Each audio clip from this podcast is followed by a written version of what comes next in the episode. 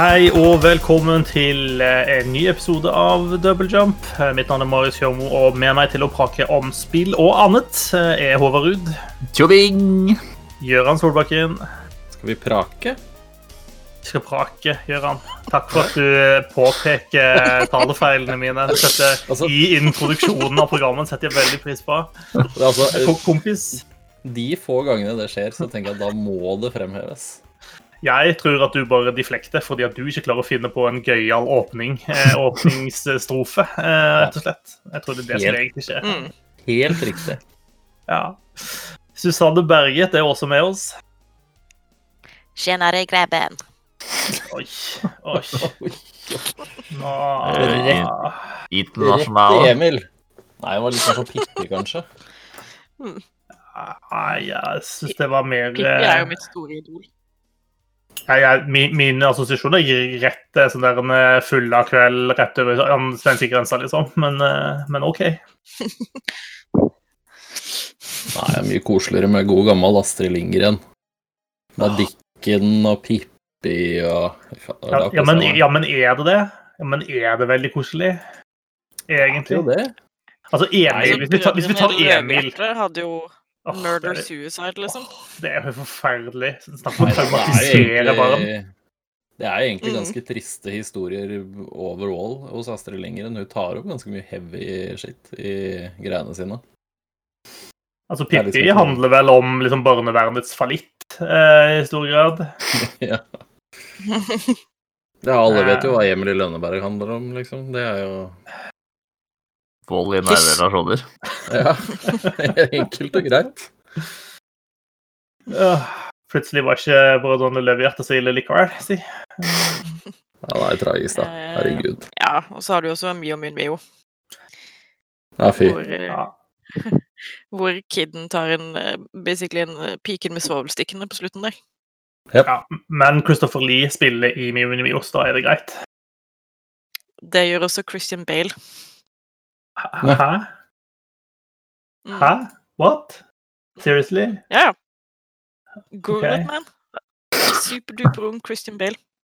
Ja, han må jo ha vært minus tre år når den kom ut. eh. Du skjønner det, Marius, at jobben til Christian Bale det er å se pen ut. Det er derfor han virker som om han er bare par og 20, og så er han egentlig 57 eller noe sånt. Som Filmen kommer kom ut i 87. Det er lenge siden. Uh, OK. Sverre Anker Austad også med. Ja, det er enda bedre trekkplasser enn Christian Bale, spør du meg. Men uh... Mm. Vi sier noe der. Vi sier noe der. Nå er jeg inne og ser på altfor mye eh, om uh, den filmen, kjenner jeg. Jeg tror jeg skal lukke det med en gang. Og så skal jeg si hei og velkommen på en gang, en gang til. Vi skal prate om dataspill og andre ting i denne episoden. åh, da koser jeg meg. Ja da. Ja. Det, Vi brukte nøyaktig fire sekunder på å skli rett ut av det vi har planlagt å snakke om. Det syns jeg Jeg tror nesten det var en ny rekord i å skli ut fort. Vi men må begynne å time det. Ja, men jeg synes det var veldig fint, fordi i sendeplanen vår, som jo er om- møysommelig utfylt, eh, så under intro så står det bare blankt. Så, sånn sett så var det egentlig eh, veldig greit. Eh, ja. Jeg syns det mest fascinerende med det er at det er to blanke punkter, og ikke bare Ja. ett. Ja, det er det faktisk. Vi har dobbelt så lite å prate om i introen i dag, så det er fint. Mm. Men da kan vi hoppe over introen, da. Eh, altså kan vi gå rett på ting vi har spilt, fordi vi pleier jo å prate litt om dataspill og sånn.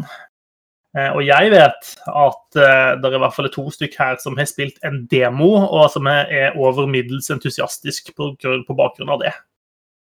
Jeg trodde, jeg trodde The Age of the Demos var død og begravd, liksom. Mm. Ja, jeg husker jo Og nå er det, det er sikkert ikke veldig mange andre som husker det her, men jeg husker jo den tiden der jeg faktisk gikk, eller kjørte buss, eller gjorde et eller annet, på Narvesen for å kjøpe, kjøpe en av disse import-PC-bladene der du fikk med en sånn CD med demospill på. Det var sjukt kult. Og kosta sjukt mye penger. ja, det gjorde det. For de var så dyre, de bladene. Og det var liksom demotiden, tror- og så har vi gått litt Jeg tror den siste demonen jeg spilte, var så et eller annet Rayman-spill. Oi. For jævlig lenge siden. For kommer det ikke flere Rayman-spill, egentlig? Det er litt rart. Ja.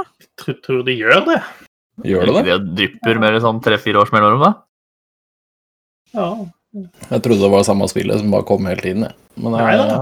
Altså, faktisk, Hvis du liker den sjangeren, så er jo noen av de moderne Rayman-spillene er jo faktisk blant de bedre eh, i den sjangeren. Så det... ja, jeg nei, spilte jævlig mye eh, eh, demoer på Xbox 360. For da var liksom ikke nettbutikken der var liksom ikke eh, så overfylt, da, sånn som spillnettbutikker er nå.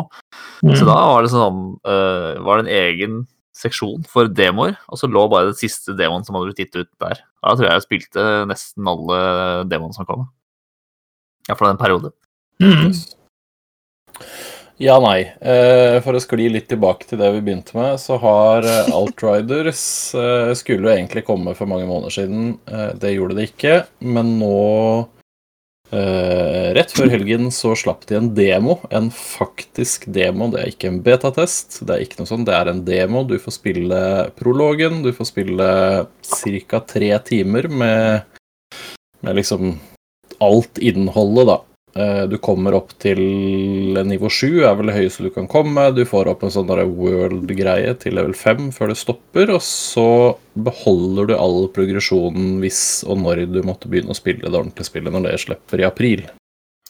Hva er Outriders utenom å være et dataspill med et eh, ganske generisk navn?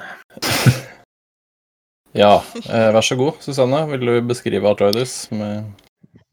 Det er en slags uh, Gears of War-klone møter Rage. Uh, med litt hint av Mass Effect Andromeda. Oi. Det var voldsomt. En sånn, eh, en sånn jeg vil beskrive det, i hvert fall. Både historiemessig og litt sånn eh, law-messig, og så klart kampmessig, da. Eh, kampene er veldig Gears of War-inspirerte, med mye eh, mye cover du kan løpe til, og ganske smooth sånn coversystem, og mye skyting og, og tjohei, og så har du på en måte eh, forskjellige krefter, da. Du kan leke jo der med, sånn som i Mass Effect og, og Rage. Eh, jeg spiller jo så klart som eh, Devastator, fordi det, det er det som er nærmest en, en Titan i Destiny 2. Eh, og syns det egentlig er jævlig gøy. Eh, jeg må spille aggressivt, og så må jeg mose folk. Eh, og det passer meg midt i blinken, egentlig. Men det, det er veldig Så langt virker det som et veldig kult science fiction-spill med en ekstremt dyster start. Eh, ja, de, ja. Eh, og selve prologen ga meg lyst til å se Prometheus og eh, Alien Covenant på nytt, så det gjorde jeg. Og så begge back to back. Eh, og jeg er egentlig veldig fornøyd med den avgjørelsen. Eh, mm. Helt uavhengig av det, så så jeg Alien og Aliens i helga. Så da, da er vi nesten på samme spor, for øvrig. Å, de er så bra. Ja, ja, vi har Ja. sett alle Alien-filmene, og så har vi sett alle Alien versus Predator- Predator-filmene, og nå har vi også sett eh, Prometheus og Alien Covenant. Og så Ah. krysser jeg fingrene for at godeste Ridley Diddley får lage en film til og fullføre trilogien sin. Eh, Eh, Men ja, eh, Men ja, altså, eh, story, story i spillet altså, jeg, Fordi at når, med en gang når jeg hører de, dere to prate om det, så høres det ut som dere prater om Destiny. Eh, Ja. Det er Eh, ja. eh, Det er litt likt Destiny til dels. Altså det er jo det. Det er et det er et looter shooter-spill det, det er så teit at de heter det, men det er nå engang det det heter. Ehm, du velger altså en av Det er fire klasser da, i Outriders, eh, på samme måte som du gjør i Destiny, så det er mye sånne like mekanikker sånn sett, men Mm. Eh, jeg syns de greier å liksom skille seg bra ut fra Destiny allikevel. Mm. Eh, For det første så tror jeg ikke dette spillet kommer til å vare like lenge som Destiny. Det er vel eh, 35 timer med spilletid, så vidt jeg har skjønt, når spillet først kommer ut. Eh, og ja, man kan spille opptil tre stykker sammen, tror jeg, som i et slags fireteam, men det er vel ikke noe det er ikke noe multiplayer-bit, det er ikke noe PVP, liksom. Eh, Så det er liksom Det er mer en, en co-op-opplevelse da enn et eh, multiplayer-spill. Riktig. Eh, og co-open funker kjempefint. Det er kjempelett å bare hoppe inn og ut av eh, andre folk sine sessions, eh, som er kult. Ja. Gøy. Jeg trenger flere co-op-spill, egentlig. Ja, det funker veldig bra. Så er det vel cross-platform på alt mulig, tror jeg. Så vidt jeg har skjønt. Mm. Så alle kan Ja, spille sammen med eh, alle. Så da kan Ja, jeg spille det- på Stadia, Stadia igjen. Endelig. Ja, jeg Mm. kan endelig bruke stadiaen din. Eh, men um, Og så kan eh, du ja. liksom customize karakteren din litt. Du har ikke veldig mange valg, men du har liksom nok valg til at karakteren din kan bli jævlig kul. Uh, og så skal de ha kudos for at de har litt uh, variasjon og mangfold i eh, karakterutvalget sitt. Mm, Eh, det har de. Altså, det er gøy. Uh, og så Altså, liker jeg på en måte det jeg har sett av de karakterene så langt. Eh, og også hvordan noen av karakterene utvikler seg, da. Den har en litt sånn dark følelse over seg. Eh, ikke fordi det er tidsreise involvert, men fordi man møter eldre versjoner av eh, karakterer man blir kjent med helt i begynnelsen av. Og så langt så er liksom historien er å, kjempedyster. Jeg digger det.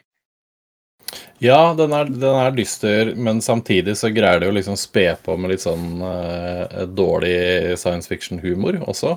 De, uh, det er et par sånne vittige kommentarer og sånn underveis, men jeg synes, så jeg syns også det virker interessant nok til at jeg vil fortsette med det, i hvert fall. da. Altså, alt er jo stemmeskuespill, og det er litt sånn Mm.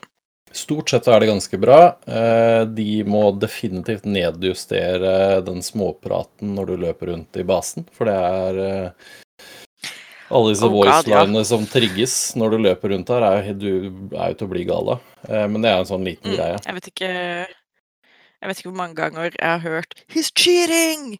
Ja. eh, ropt Mm. ropt eh, etter meg i løpet av de tre timene jeg har spilt. Ja. så det håper jeg de, de fikser det på, ja. Ja. Men så er det du på med mye utenom ekteskapelige forhold inni basen, eller hva? Det er en sånn jukser i et eller annet spill, tror jeg, som du løper forbi på vei til uh, oppdragsgivere. Men sånn strukturmessig, da, så er det ja, Sorry, jeg bare så, så er det mye, mye utroskap, fordi det er veldig få mennesker igjen. Så de må jo bare pule rundt, tenker jeg. Yes. Det er helt riktig. Som veldig kort fortalt, da, så er det eh, Ting har gått til helvete på jorda, så de pakker to svære romskip med folk. Eh, det er veldig mange som blir igjen på jorda og dør, bare. Så vidt vi vet. Mm. Eh, det ene romskipet går til helvete, og det andre kommer fram til da denne planeten som jeg ikke husker hva heter nå. Eh, og så er Enoch. du en del Enok, stemmer det. Eh, så er du en del Altså du er en sånn outrider, da, som det heter, som er liksom de første som lander, og som skal sjekke noen sånne prober for, som har samla inn data og sånne ting. Eh, så hele prologen liksom forklarer det her, og så går ting til helvete, eh, og så er det noen som ikke er kule, og så lander folk allikevel, og så blir du fryst. Sånn cryosleep. Og så blir du vekt etter x antall år, og så har ting gått ordentlig til helvete. Ikke sant? Og så er det krig, og det er eh, fraksjoner, og det er uh, ordentlige greier. Og så skjer det ting som gjør at du får krefter. Uh, det har skjedd med andre også. Det er ikke mange, men noen andre som også da har fått sånne krefter. Ja, for Det ser jo ut som at man eh, altså Det var en sammenligning med, med Gears of War tidligere her, men, men det ser ut som du definitivt kan gjøre mer enn å bare skyte med en stor pistol, liksom. Ja. Eh, sånn Mm. som eh, den Devastator som Susanne spiller, da, så kan du Du kan, du kan vel ha tre skills aktive hele tiden. Tre, du, kan, du har Mm.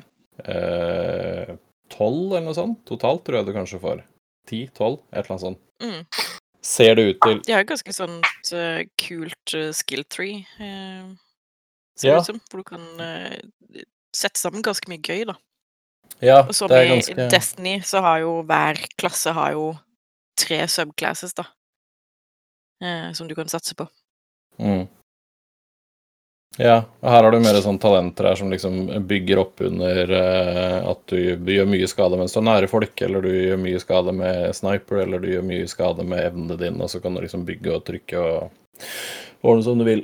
Uh, men Devastator er da litt sånn tank, og den har da sånn Earthquake som gjør skade rundt, og så har du Du kan bli til en sånn der type golem-greie som gjør at du tar mye mindre skade, og så har du en veldig kul sånn eh, movement ability der du liksom hopper opp i lufta, og så krasjer du ned og bare moser folkene du eventuelt treffer. Uh, den kuleste moment-skillen, egentlig. Syns jeg, i hvert fall. Uh, men det som jeg syns er litt kult med det klassesystemet, er at de forskjellige klassene healer på forskjellige måter. Så Devastator får Mm. tilbake hitpoints ved at ting dør i nærheten av den. Det er liksom måten Mm. den får tilbake hitpoints på. Hvis du spiller som eh, Pyromancer, da, som har masse sånn ja, eh, flamme-abilities, så får den healing hvis ting dør mens det brenner. Eller det er liksom en av skillene dine aktive på det. Og så har du Trickster som eh, Åssen er det den healer? Det burde jeg huske, for det er den jeg har spilt mest. Eh, men den også healer vel hvis du dreper ting i nærheten av deg, tror jeg. Altså ved sånn close range kills. Um, og så har du en sånn derre gadget technomancer som healer hele tiden mens du gjør skade med våpen. eh, samtidig som du har sånne gadgets oppe. Så det er liksom de fire klassene, og de har, da får du litt en sånn eh, litt variasjon i spillestil og hvor tett eller hvor langt unna liksom kampene du er og sånn, da. Eh, og jeg syns kampsystemet definitivt var kulest når jeg ikke brukte cover. Eh, for når jeg, jeg Mm. prøvde Jeg prøvde Pyromancer først, og så fikk jeg det liksom ikke helt til. Eh, for det var Jeg syns egentlig Nå spilte jeg mest aleine, da. Da syns jeg det var noen av de kampene som var litt sånn litt vriene, rett og slett. De var ganske vanskelige, for du ble dytta på med veldig mye fiender, og veldig, du tok veldig mye skade. Og så spilte jeg som denne tricksteren, da. Mm. Eh, og spilte veldig mye mer aggressivt og hoppa veldig mye mer inn, for den er også en sånn derre en sånn slow boble som gjør at alt inni den bobla går veldig mye saktere, bortsett fra deg selv, selvfølgelig. Og så har den en sånn AOE eh, sverdslag som gjør at de tar veldig mye skade over tid. Ehm, og, og en sånn derre warp som gjør at jeg liksom hopper bak en fiende. Eh, så etter hvert så fant jeg liksom en kombinasjon av disse skillene her som gjorde at jeg hoppa inn, tok en slow, drepte masse fiender, og så får jeg masse hitpoints men- mens jeg da fortsetter å ta de andre rundt meg, og så hopper jeg videre til neste. Eh, og da blei det, det ble en veldig kul flyt i kampsystemet. Jeg syns ikke Jeg syns en av de tingene som er litt sånn forvirrende, som er litt ikke så bra med Outriders, er at det har for mye cover når det er, kanskje egentlig ikke burde hatt det. For jeg syns kampene er kulest når du spiller aggressivt. Jeg syns det absolutt er best når du gjør det også. Mm. Ehm, så, men når man liksom fikk til det og lærte seg klassene litt, så ser jeg altså at det liksom utvikler seg, og du får masse kule bonuser på, på items, altså på rustninger eller på våpen, som gjør at du liksom kan spekke og spesialisere deg innenfor forskjellige ting. Da. Så det, det syns jeg virker veldig, veldig kult, det også. Så jeg hadde det veldig gøy med Trickster, og så hadde jeg det veldig gøy med Mm. Devastator. Eh, ikke så gøy med Pyromancer eller den Technomancer enda. Så, men jeg har bare alle Jeg, har, jeg er vel level 7 på to av de, og level 6 og 5, tror jeg. Så jeg har spilt en del, da. Selv om det gikk ganske fort når man skippa over historien på gangen med to, tre og fire. Så Nei, jeg syns det var gøy. Eh, men jeg syns Ja, jeg syns det er litt sånn Det, det cover-greiene og sånn, syns ikke Jeg, jeg syns ikke det funka så bra. Det var flere ganger jeg liksom rota med å komme meg inn og ut av cover og alt mulig sånn, men det Jeg vet ikke. Det kan hende det var meg. Det kan hende det var fordi jeg er dårlig med skytespill på konsoll. Eh, det vet jeg ikke, men Og så syns jeg jeg er mest bekymra for nivådesign, egentlig, for det syns jeg var veldig, veldig likt uansett hvor man var. Og Den er jeg litt sånn bekymra for, for det var alle oppdrag eller alle sånne ting du kom inn i, så var det liksom rom én, en kamparena med masse cover og, og nivåer og fiender, og så dreper du alle der, og så får du en nøkkel eller en dings som lokker opp en dør til rom to, der bossen var, og så er du ferdig. Sånn er alle, alle de forskjellige oppdragene, har litt strukturen, nesten uansett hvem det er. Så den er litt sånn Jeg håper det blir mer variasjon, og at det blir bedre på akkurat det videre. Eh, det er lov å håpe det, i og med at det liksom er prologen og de første timene av spillet, så kan det hende de gjør det litt lett sånn i starten. Eh, jeg håper det. Men Mm. Sånn bortsett fra det, så syns jeg det virker, eh, virker spennende. Det er litt sånn småjank her og der. altså sånn derre Fade to black cutscene som varer i to minutter fordi du hopper over en eller annen sånn halvannen meters kløft, og så fade to black, og så styrer du figuren igjen, liksom. Um, det er en del sånne smågreier som ikke, ikke gjør så mye, men er litt plagsomme. Men det viktigste er liksom kampsystemet og fienden og sånn, og det syns jeg de har fått til veldig, veldig kult, da. Så jeg gleder meg til det kommer. Og det er 1. april, eh, var det ikke de vi fant ut av? Jo. Det er jo ikke så lenge til. Mm. Måned. Det er måned. Nei, jeg trodde det på. skulle være Jeg trodde det skulle være lenger til, fordi jeg føler at spillet sånn overall kanskje trenger litt mer finpuss. Eh, det er liksom noen animasjoner som er litt sånn janky. Altså når du åpner en dør, så går du basically gjennom den istedenfor å eh, dra den ut og mot deg, og noen ansiktsanimasjoner er litt sånn Kunne trengt litt arbeid og sånne ting. Eh, Mm. Så jeg ut ifra demoen så hadde jeg nok trodd at det skulle være lenger til hele spillet kommer. Det er jo ikke kjempelovet, kjempelov, da. Det- Nei, nå kan det jo være Den bare kjørte litt dårlig på PC-en min. I don't know. Det kan jo selvfølgelig det er også være at demoen er en, er en, eh, en bild som ikke er den siste. Final build. Det er den siste bilden. Mm. Det er Ja, okay. Dette er spillet.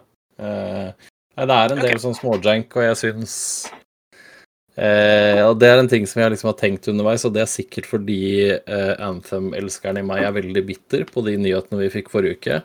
Men Mm.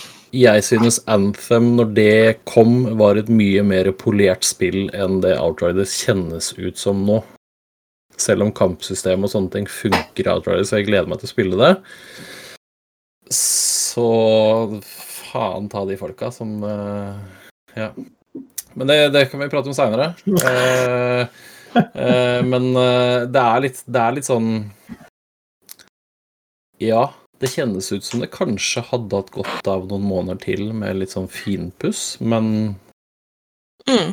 jeg syns de har vel hatt fokus på kampsystem, og det forhåpentligvis også på loot. Da. Det virker som det kan være ganske mye kult du kan gjøre med, med lut og med builds og sånne ting. Så så lenge det funker, så tenker jeg det er liksom det viktigste. Og så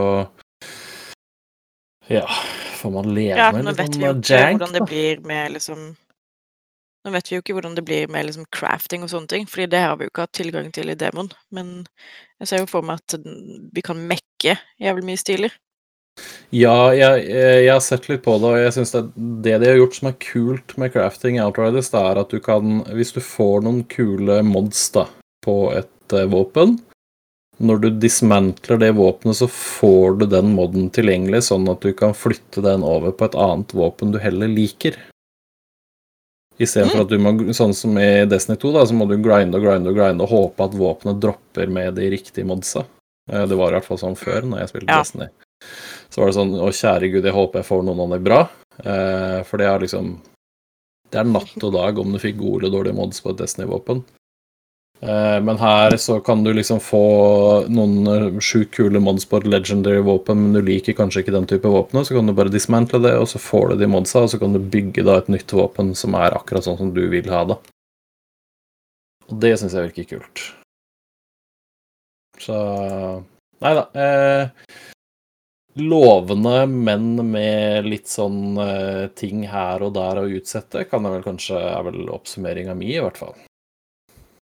Er det noe du tror uh, jeg kommer til å like? Kanskje hvis du spiller det sammen med noen andre, ja. Jeg tror du kan ha Jeg tror det her er et spill du kan ha det gøy, gøy i sammen med andre folk. Mm. Uh, du spiller solo det her? Nei. Nei, men det tror jeg ikke. Ja, jeg tror ikke det, jeg tror ikke det er din Jeg tror ikke det er Mario sin type spill heller, for så vidt. Men eh, samtidig så tror jeg eh, kampsystemet er ganske Det er ganske balansert og kult satt sammen når du er flere, da, når du er tre. Eh, hvis du spiller litt Timer litt ting du gjør og sånne ting, så du får veldig mye av de andre også. Så Mm. eh, jeg tror det kan være mye gøy i det. Absolutt. Nei, men kult. Da får vi se da om en måneds tid eh, om det si, resten av spillet er like artig som det dere har hatt det med de første par levelene. Ja, jeg er litt spent. Altså, jeg har hatt det gøy nok med demoen til at jeg kommer til å kjøpe spillet. Det er det ikke noen tvil om. Det lover jo bra. Eh, Har dere spilt noen andre ting i det siste enn Outriders-demoen? Jeg vet at Gjøran driver og altså eh, Du har jo på en måte fått en ny bestevenn, så jeg regner jo med at du og, og Play- PlayStation din går liksom i hånd i hånd eh, rundt i huset ditt og sånn. Ja, eh, jeg har begynt å sove i kjelleren sånn for å være helt sikker på at ingen kommer og stjeler den. Ja. Eh, nei da, det er ikke så gærent. Men eh, jo, jeg har spilt. Jeg spilte selvfølgelig Outriders på PlayStation 5, eh, men ikke at det, Jeg vet ikke om det hadde så veldig mye å si annet enn på lastetider, sånn grafikkmessig og sånn, men eh, det jeg har brukt mest tid på, da, bortsett fra Outriders den siste uka, er vel for så vidt Demon Souls. Som jeg, som jeg fikk, og fikk lasta ned, og Demons Souls. Demons Souls en veldig tungvint tittel å si. Det er jo denne remaken som, eh, som ble laget av Bluepoint, og den er eh, Jeg skjønner hvorfor den har fått så mye skryt, da. Det skjønner jeg veldig, veldig godt. Demon Souls er et, det er et veldig, veldig kult spill. Det var liksom Det er jo det første og groundbreaking Soul-spillet, liksom, og, og jeg husker jo jeg husker hvor jævlig vanskelig jeg syns det var når jeg spilte det for første gang for gud veit hvor mange år siden nå.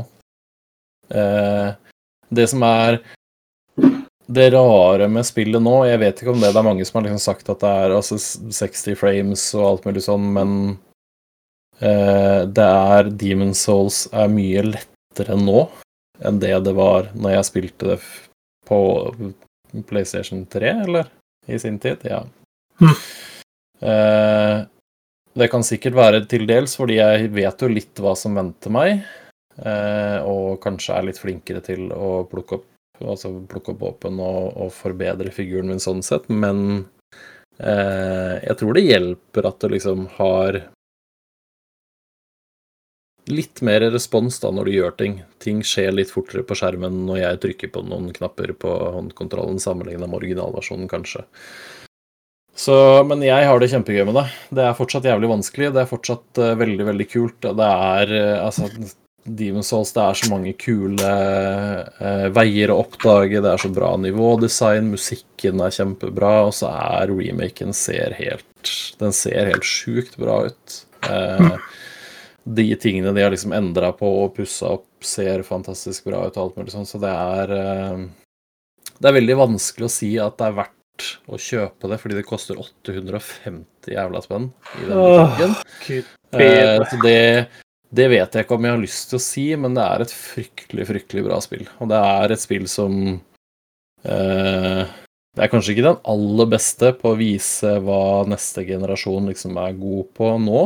Eh, jeg syns Miles Morales og Sushima gjør også veldig mye bra sånn sett, men at det ser fryktelig bra ut og høres veldig bra ut og kjører veldig bra, det er det liten tvil om. Ass. Det er et uh, steike bra spill. Jeg håper det er mange som hoppa på Soulsborne-spillene med Dark Souls eller med Bloodborne eller et eller annet sånt, også da har lyst til å gå tilbake og spille Demon's Souls igjen, fordi det er, det er liksom det første. Det var det som bana veien, og det er, eh, det er fortsatt et av de beste òg. Ja, det spillet er faktisk svindyrt, eh, selv om du skulle finne det et annet sted eh, enn i Sony-butikken også. Ja, ja, det er helt Jeg syns jo det er overprisa. Jeg synes jo det. Men det, er, det, er, fryktelig gøy.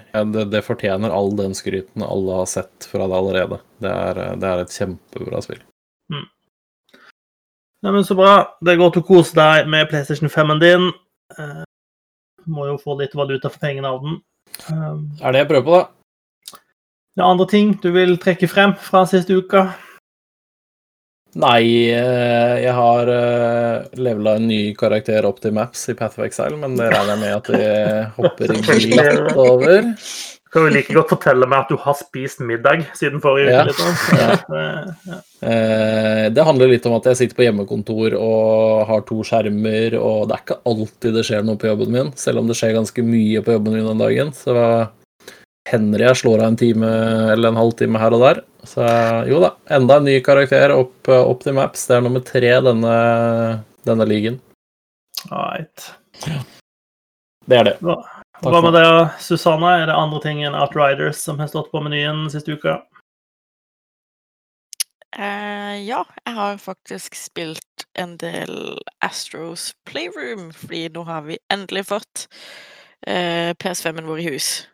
Ja. Etter å ha venta siden Ja, vi forhåndsbestilte vel i august. Fikk ja. du mel uten disk? Uh, vi har med disk. Ja. Eh, så det er jo kult. Jeg skjønner ikke helt hvorfor, fordi når spilte vi spillet sist et spill på disk, liksom? Men eh, Kunne jo eh, være at du skulle finne på å sette på en Blu-ray en gang, liksom. Uh. Ja, jeg vet. Jeg vet. Det er jo bare hvis jeg ikke finner en film på noen av de 50 000 strømmetjenestene vi har tilgjengelig.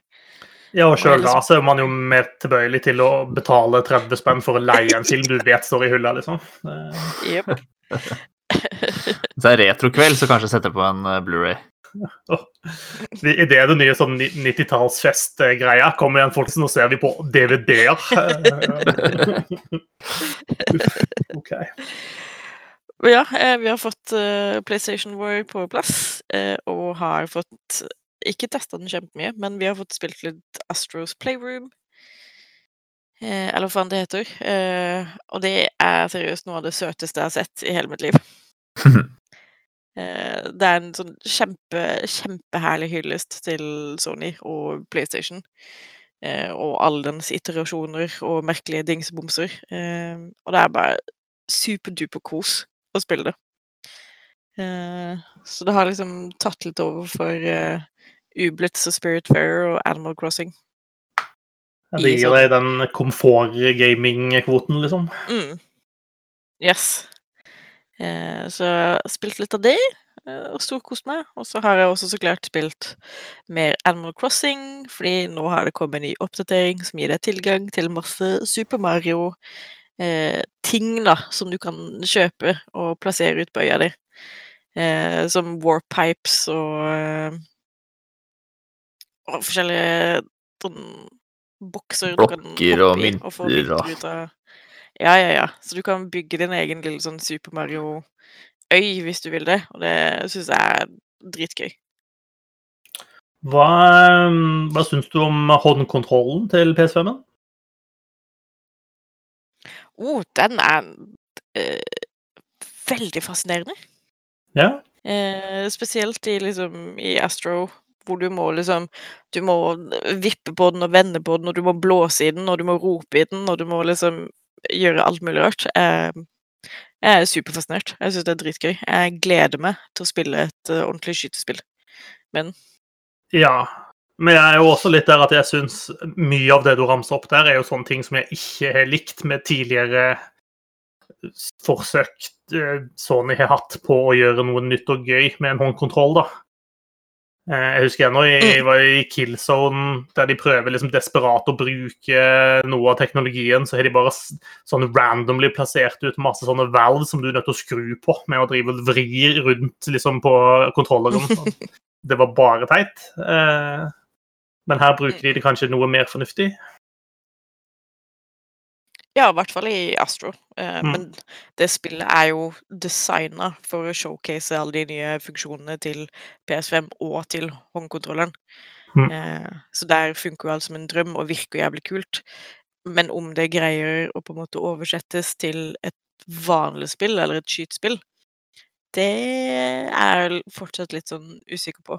Eh, Men det blir spennende å se. Jeg er litt irritert for at jeg ikke har fått fått testa den sjøl, og med liksom den haptic feedbacken i, i triggerne og så registrere seg av, da. Det høres bare slitsomt ut, men, eh, men ja. Ja, altså, jeg merka jo hvor eh, dårlig kondis jeg har når jeg måtte drive og blåse i den kontrollen, for å si det sånn.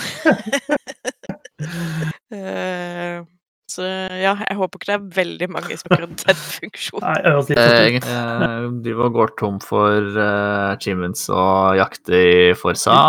Eh, noen få seier unna der. Eh, og så har jeg fullført uh, Lilly Bendriss The Game. Eh, eller The Medium, da, som det heter i, i spillbutikken nær deg. Um, Mm. eh, ikke Hva annet syns du om eh, Hva syns du om slutten på The Medium?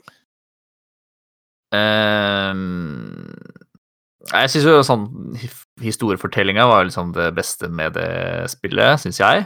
Uh, jeg syns de fortalte en historie på en veldig kul eh, En veldig kul måte.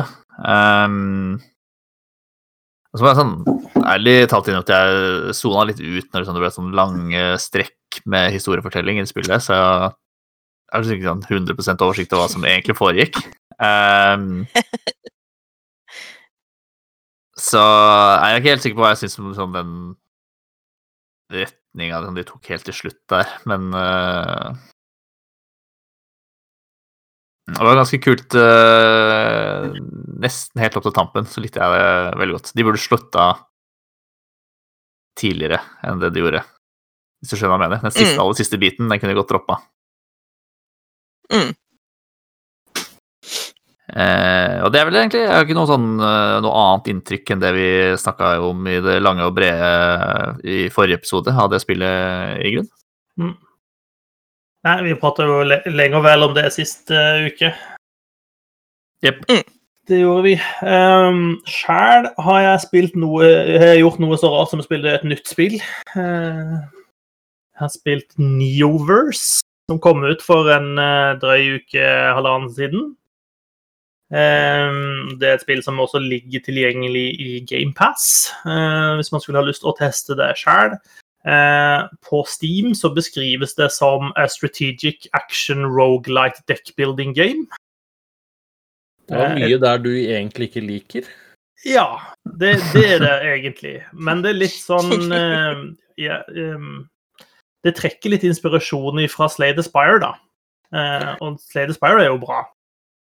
Eh, så det er et deckbuilding game der du hele tiden driver og bygger liksom kortstokken din, og så har du på en måte et run som går over så og så mange fights og så og så mange boss fights, og så er du på en måte ferdig med det runnet.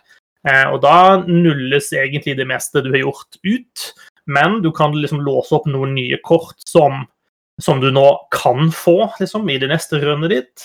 Eh, og du får også noen sånne noen sånne currencies som du kan bruke til å kjøpe items som du eier uansett, da. Og kan, kan bruke til å, å gjøre Ja, vri på hvordan ting fungerer og gi deg bonuser og sånt på, i, i, i fremtidige runs. Eh, men der Slade Aspire er en sånn eh, litt sånn ja, skal vi kalle det, en litt sånn 2D-style-greie, så er Neoverse eh, absolutt full 3D. Eh, og du kan velge mellom tre ulike karakterer. Eh, man kan være snill og si at de, de er alle sterke kvinnelige protagonister, eh, men de er også tre ganske sexy, lettkledde damer, da, eh, kan man også kalle det. Du har ei som er Og de har ulike kortstokker og ulike på en måte evner som, som de bygger på. da. Eh, Den ene er en sånn type gunslinger-pistoldame. Eh, som har en, en sånn eh, Blant annet en sånn overpower-mekanikk. Eh, hvor du For å gjøre kule angrep, så bygger du på en måte på deg en sånn eh, overload-greie. Eh, og så hvis den når over en viss terskel, så tar du skade. Så du må liksom prøve å balansere den hele tida. Um, hun har spilt igjennom på en måte en eh, ja, fullført kampanjen med henne. da. Eh, så det er en annen dame som er en sånn type magidame. Eh, og hennes greie er at hun driver sømmene sånn ulike guardians som kan brukes til forskjellige ting. Noen av de kan på en måte gi mer defense og gi deg shielding og sånt, mens andre er mer angrep og kan gi ulike typer angrep og sånt. Um, så det var en ganske kul greie. Og hun siste hun har ikke spilt ennå, men hun er en sånn type paladin, skjold og sleggedame, på en måte. Så jeg er spent på å teste henne også. Og hver av disse karakterene har også ulike decks. Eh, jeg tror hver av de har tre dekks du kan på en måte velge mellom. Eh, og så er det i tillegg en fjerde kategori som er sånn type ukas dekk, eller noe sånt. Som jeg tror liksom driver og rullerer litt på eh, hva det er for noe, for å gi litt nye eh, eh utfordringer. Eh, jeg synes altså sånn, Det rent grafiske ser ikke fabulous ut. Eh, det er litt sånn Det kunne like godt vært et mobilspill sånn kvalitetsmessig på det. For alt jeg vet, så er det kanskje det også. Eh, men det er nå på en måte så. Det, det er liksom det kortspillinga som egentlig betyr noe her, eh, og taktikken i det. Eh, og du ser hele tiden hva er det motstanderne har tenkt å gjøre. Men jeg tror ikke dette er det letteste spillet av den typen spill å komme inn i.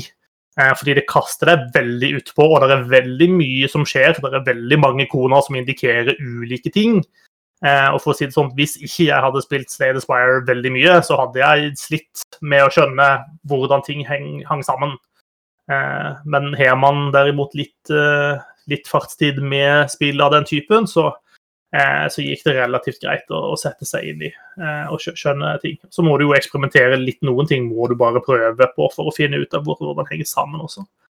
Um, og så er det noe med i spillet så prøver de på en måte å gi deg mange muligheter til Altså mange spill i spillet, eh, hvis det gir en mening. Eh, der er f.eks. sånne mekanikker. Hvis, si, hvis en fiende har et skjold, og det har en styrke på altså Det skjoldet tåler fem damage, da.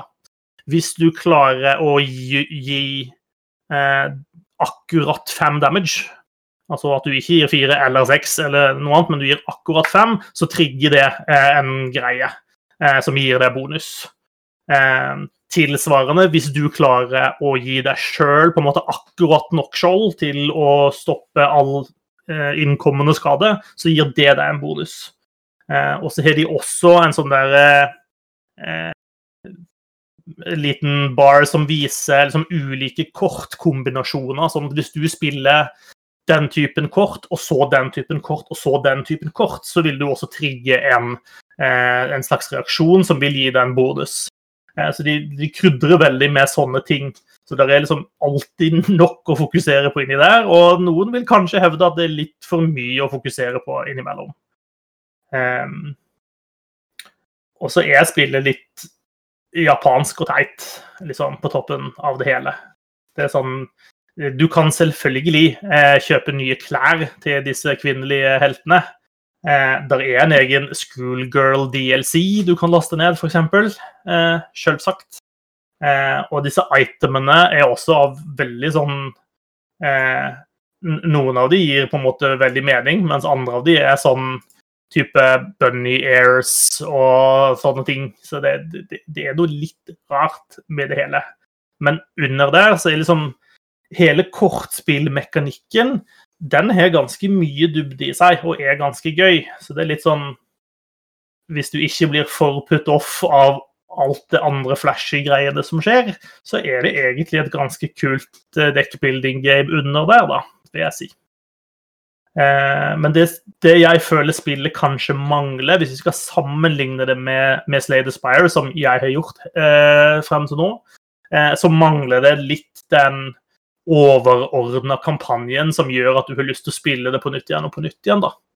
Eh, det, her føles det litt mer som at nå har jeg runda kampanjen, og så OK. Da har jeg på en måte klart det med den karakteren eller med det dekket. Eh, det, er ikke den, det klarer ikke å sy de ulike spillene dine sammen på en god måte, da. Um, og Der er jeg litt spent på om de har tenkt å gjøre noe mer med det etter hvert. Det er ulike typer, det er ulike spillmodus og sånt. Jeg har ikke testa alt som er inne i spillet ennå. Um, men, men, der har de i hvert fall et potensial til å bygge videre på, tenker jeg. Så, men liker du deckbuilding games, så er ikke Neoverse det verste du kan prøve deg på. Og har du GamePass, så er det jo gratis. Så kan det være verdt å teste ut. Kanskje noe for deg, Gøran? Ja, kan hende det er noe jeg syns er gøy. Mm. Mm. Eh, så det har jeg fikla med imellom at jeg har sittet og skrudd møbler til jeg blir blå. Eh, for det er sånn jeg driver på om dagen. Da tror jeg kanskje du gjør det feil. Ja, det gjør jeg jo beviselig også innimellom. Det å liksom skru skapdører og få de til å sitte perfekt, og ikke være for høye eller for lave eller for langt ute eller for langt inne eller gud bedre. Åh, ja, da vil jeg heller spille deck, uh, strategic action rogelight deckbuilding games isteden. uh, ellers så har jeg starta en ambisiøs plan om å spille gjennom alt Dragon Age-innholdet. Å, det er så mye bra. Der er det ganske mye å ta av, så jeg har liksom prøver, prøvd meg på å starte på starten og med Dragon Age Origins. Og med alt ekstrainnholdet og alt som finnes, og som det fortsatt er mulig å få tak i eh, til de spillene. Um, det starta med eh, Greia med Dragon Age Origins kanskje spesielt, er at de lagde veldig mye frittstående innhold til det spillet. Så starta med å spille hva er det Song of Leliana, eller noe Leliana Song, eller sånt, som på en måte er den første prequel-aktige tingen. Uh, og så spiller hovedspillet, og så Awakening, og så er det et par andre utvidelser som på en måte kom etterpå det, før du går videre til, til Dragon Age 2. Um, ehm, og så prøver jeg å gjøre noen av de tingene i spillet som jeg ikke har gjort før. Så, og der er jo eh, min hukommelse ikke den beste, men achievementene er faktisk en god sånn pekepinn på at dette har du ikke gjort. Um, så jeg fant ut at den eneste sånn origin-storyen som jeg ikke hadde spilt igjennom før, var altså Dwarf Noble som er en av to mulige Dwarf uh, Origins å spille. Um, og den var jo kjempekul. Den er jo kanskje mm. den kuleste, kanskje sammen med, med Mage-tingen, som, som, føles som veldig sånn essensiell for, uh, for serien. Eh, så det var kjempeartig. hvor du kan mm. starte, du går, som I starten så kan du gå rundt og være så Eh, så fjong som du bare vil. Eh, og bare sånn Jeg er prins og går rundt på gata og bare hvem, hvem tror du at du er, herr kjøpmann? Kom og adressere meg. Jeg er jo en av dine bedre. Uh, off with his head, liksom. Um, og så skjer det masse litt sånn politisk drama og sånn, sånn som det gjerne gjør, og så ender du opp med å bli en outcast og eh, bli rekruttert av Duncan og inn i The Grey Wardens, og så starte på en måte spillet. Så det var ganske kult. Eh, og så fant jeg også ut at det var én karakter i spillet som jeg ikke har romansa. Eh, og da er jo målet klart hva jeg må gjøre, og det var av alle så var det Morrigan. Så da blir det Morrigan og en Dwarf Noble som blir the thing i denne kampanjen. så kult. Og Det går kjempebra, men der kan du også eh, Jeg syns jo det der gavegivingssystemet og sånn som var i Dragon Age Origins, var ganske slitsomt. Eh, og du må jo opp og google hvem, hvilke karakterer skal ha hvilke gaver osv. For det er ikke alltid det er like innlysende. Eh, men den biten mm. har blitt veldig mye lettere. For da, på et eller annet tidspunkt så ga de ut en utvidelse som heter noe sånn som Feast Days Gifts, eller et eller annet sånt noe. Eh, og der er det liksom masse ekstra gifts, da. Og noen som er Altså alle karakterene har én gift som gir pluss 50 i, uh, i uh, at de liker deg, og en gift som gir minus 50. Uh, eh, så hvis du bare holder tunga litt rett i munnen, så hjelper den deg veldig i liksom å, å booste opp at folk syns du er kul, da. Så ja da, so that's what I'm doing. Jeg har gjort en, noen av liksom, hovedbitene der allerede. Jeg har gjort hele startbiten av det. Jeg har gjort Eh, jeg har vært i Red Cliff og gjort den biten. Jeg har vært i Mage Circle og gjort den biten. Og nå er, også har jeg vært første tur til Denerim, så nå er jeg vel sikkert på vei til Orsamar tror jeg, for å gjøre den. Jeg er veldig spent på hvordan den opplevelsen blir når jeg er en Dwarf Noble i eksil. Eh, og det jo er min bror som nå sitter konge der og sånt. Det er jeg litt spent på. Eh, for hvor det går. Eh, og der er det jo også, på en måte I spillet er det jo også en del sånn DLC-er som blir gitt ut.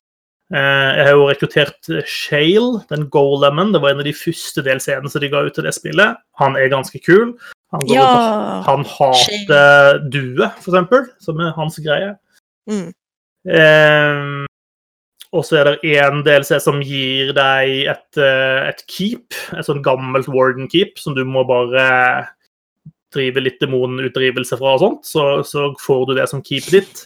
Uten at de gjør veldig mye med. Det er ikke noe særlig mekanikk rundt det at nå har du et keep, men det er nå i hvert fall der. og eh, Det er vel det eneste stedet i spillet hvor det faktisk er en eh, sånn type kiste hvor du kan lagre ting i, som du ikke skal bære på kropp. Eh, og carry capacity er noe drit i det spillet, for å si det sånn. Eh, Så det er fint. Eh, og så er det en del som jeg er ganske sikker på ikke hadde spilt før, som tar deg tilbake igjen til Ostergar og liksom der det store slaget var, hvor King Kalen døde og sånn i starten. Eh, og du skal da gå og finne alle mm, delene av rustningen til King Kalen, og du skal gi eh, han liksom en verdig begravelse, og det er en litt sånn avslutning på eh, Litt sånn closure på det litt traumatiske starteventyret i det spillet. Eh, Så det var ganske kult.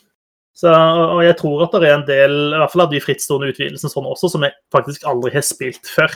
Så det er gøy å kunne gå tilbake til et så gammelt spill og fortsatt på en måte ja, Her er det noe kult jeg aldri har sett før. Og, ja. Så det anbefales. Uh, men jeg spiller det på Xboxen, og det tror jeg kanskje er vanskelig hvis ikke du er på en måte har gjort det før. Fordi det er umulig Jeg har i hvert fall ikke lykkes i å koble meg til Dragon Age server via Xboxen. Eh, noe som vil si at jeg ikke ville fått til å laste ned alt innholdet, med mindre jeg hadde en gammel ekstern harddisk som jeg har brukt på tidligere Xboxer, og tidligere har lasta ned alt innholdet jeg hadde tilgang til der. Så jeg måtte koble til den og overføre eh, det fra den, som på overraskende vis fungerte. Eh, da fikk jeg tilgang til alt. Men eh, for mange kan være at PC er veien å gå.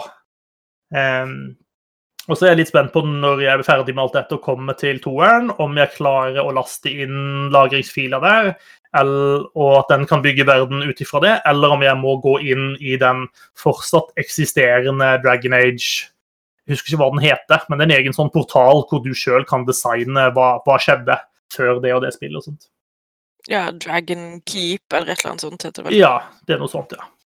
Eh, Mm.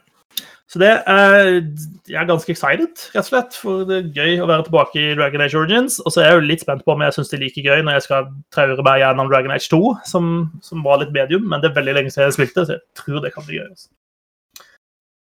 Det er ikke sånn at jeg må gjøre det samme som deg nå hvis jeg har lyst til å prøve ut uh, Prøve Dragon Age.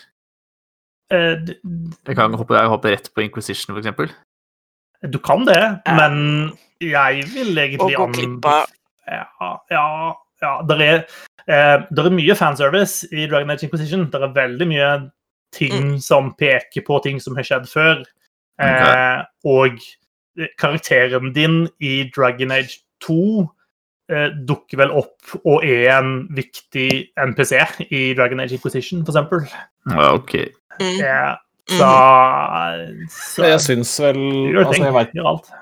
Veit ikke helt med nummer to, men altså, i hvert fall Origins er Det er jo et kjempebra spill, og jeg tror du som har spilt uh, uh, Divinity nå i nyere tid, eh, Håvard, tror jeg kan Mm. sette pris på Origins igjen nå, altså. Fordi det er veldig, det er veldig, veldig bra sånn Uh, Ikke helt turbasert, men sånn eh, Sånn type styring av figuren og sånn, da. Mm. Så jeg tror det Det er absolutt verdt å gi det et forsøk, i hvert fall. Og det, er jo, det er jo så mye bra historie og så mye bra figurer og sånn underveis i Dragon Age-spillene, så det åh, Jeg fikk lyst til å gjøre det òg, faktisk. Det anbefales. Og jeg spiller det på Xbox, det men, alt, altså. men det er nok en bedre opplevelse på PC. Det, det vil jeg tro. Eh, kanskje ikke Inquisition, den tipper jeg er litt tips som hopp, men i hvert fall Dragon Age Origins tror jeg er hakket hvassere å spille på, på PC. Jeg tipper de to første gjør seg med eh, en mus, om ikke annet. Mm. Eh, mer enn mer en kontroller. Eh, så er jeg enig med deg. Altså, Inquisition kan du like gjerne spille med konsoll og kontroller. Ja, det, vil- det det vil jeg si. Den, den, den føles veldig lagt for det. Så skal det også Ja. sies da, Når jeg spiller gjennom nå, så spiller ikke jeg på veldig høy vanskelighetsgrad. Så målet mitt her er ikke en stor utfordring. Målet er mer en sånn eh, hyggelig tur gjennom Dragon Age-universet. Mer enn Mm. nå, nå skal jeg bryne meg på utfordringene her. da. Ja, skjønner. Eh, Så det gleder jeg meg til å fortsette på. Eh, noe du må slutte å se frem til, eh, Gjøran, er Anthem Next. Åh, oh, hjertet mitt ble knust eh, i uka som gikk. Electronic Arts har annonsert. De kommer ikke likevel til å gjøre noe som helst mer med Anthem. Nei. De hadde jo planlagt at uh, de skulle ha en sånn stor revitalisering av det spillet. De kalte det Anthem Next. Uh, de hadde et team på rundt 30 personer som jobbet med dette. Så sies det at eh, dersom de på en måte skulle gjøre alvor av denne revitaliseringa, så ville de trenge å kanskje tredoble det teamet. Eh, og da valgte EA å trekke nødbremsen og si at nok får være nok. Ja. Sånn kan det gå. Det er vel det beste for alle. De har ah, også sagt at de som, som jobba på Anthem Next, nå har blitt flytta over på Dragon Age 4. Ja, det Så det vel er jo bare eh, gode nyheter for meg. Ja! Ja, jeg er ikke lei meg for eh, Dragon Age 4, altså, men uh, Ja. Anthem er fortsatt et av de beste spillene som ikke var så bra likevel. Eh, jeg, altså, det er, Anthem er et sånt hjertebarn for meg. Det er et eller annet med et eller annet med verdenen og kampsystemet og hele den greia der som bare klikka så innmari for meg. Og det var det jeg syns er kjempesynd, at de ikke tør å satse på å lage det på nytt igjen. Men jeg tror vel også, når man vet eh, utviklingshistorien, når man vet hvor mye rot det har vært og alt mulig sånn, så er det vel er det vel kanskje fornuftig å, å bare vrake det spillet, men åh, ja. Kampene i Outriders er kult, det, altså. Men en kul kamp i, Destiny, i Anthem var veldig, veldig mye bedre. Faktisk. Ah, Jeg syns det Bare spill Titanfall 2, og så får du eh, eh, nøye deg Ah. med det.